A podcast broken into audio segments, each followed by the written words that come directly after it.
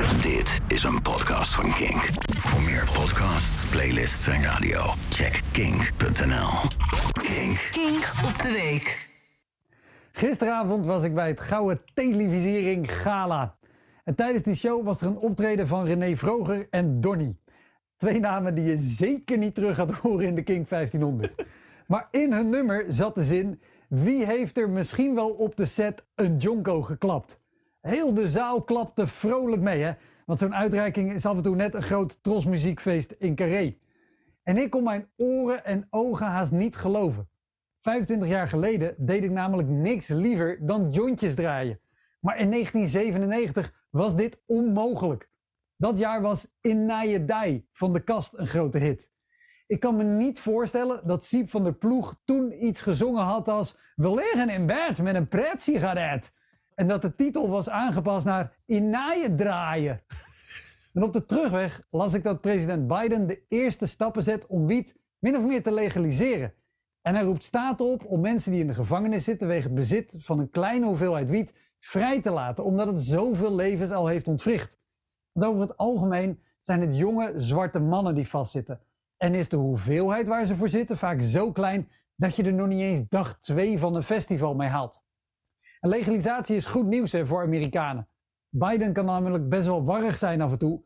En als je dan zelf gebloot hebt, dan is hij prima te volgen. Trump zou zoiets nooit gedaan hebben. Wat jammer is, want die liet voor het Witte Huis wel enorme partijen fastfood aanrukken. En dan zegt perfect voor als je stoned bent. Volgens het gezegde is een tevreden roker geen onruststoker.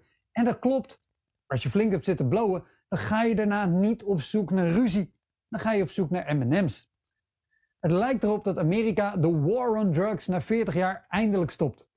40 jaar lang is er onevenredig veel geld naar opsporing en vervolging gegaan. Terwijl al lang duidelijk is dat het verstandiger is om te investeren in voorlichting en verslavingszorg.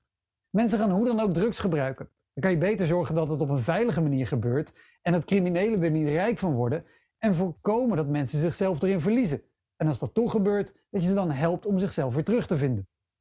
De meeste partijen in Nederland willen daarom cannabis ook min of meer legaliseren. Al zijn er natuurlijk uitzonderingen. Tegenstanders zijn bijvoorbeeld ChristenUnie en het CDA.